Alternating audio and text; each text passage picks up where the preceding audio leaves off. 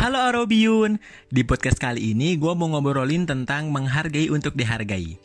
Seperti yang kita ketahui, kata menghargai ini bukanlah kata yang asing buat kita semua. Sering banget kan kita dengar dalam kehidupan sehari-hari. Tapi apa sih sebenarnya menghargai itu? Dan kenapa kita harus menghargai? Hmm, oke gini.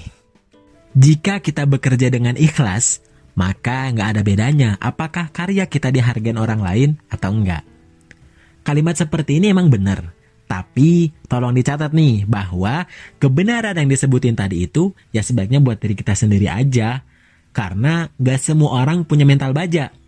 Gak semua orang juga bisa bertahan dalam kondisi di mana dia ngerasa gak dihargain. Bahkan gue sendiri pernah ngalamin lunturnya semangat ini.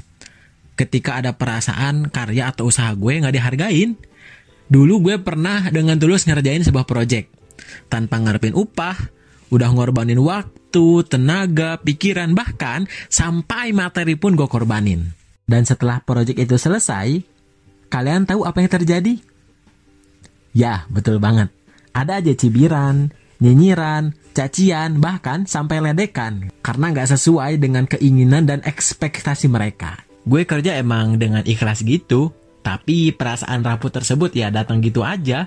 Dan seiring berjalannya waktu, kekecewaan itu mulai mencair. Gue sadar, kalau kita terus nyoba ngelawan dunia, menurut gue sih dunia yang bakal selalu menang.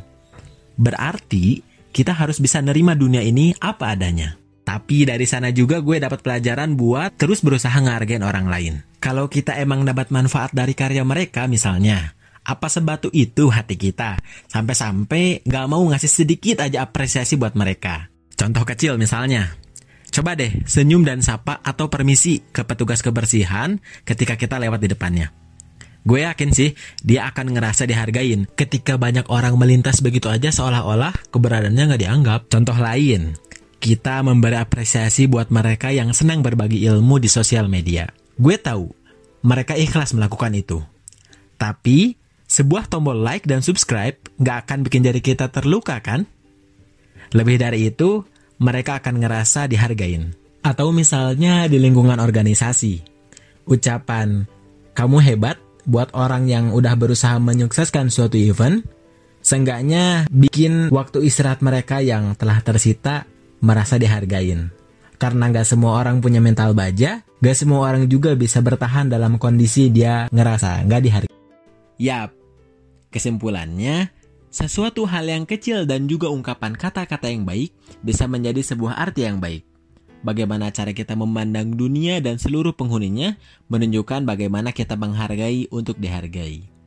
So, terima kasih banyak buat kalian yang udah dengerin sampai detik ini. Sekian podcast jam kosong pada kali ini. Sampai jumpa di episode selanjutnya. Dah.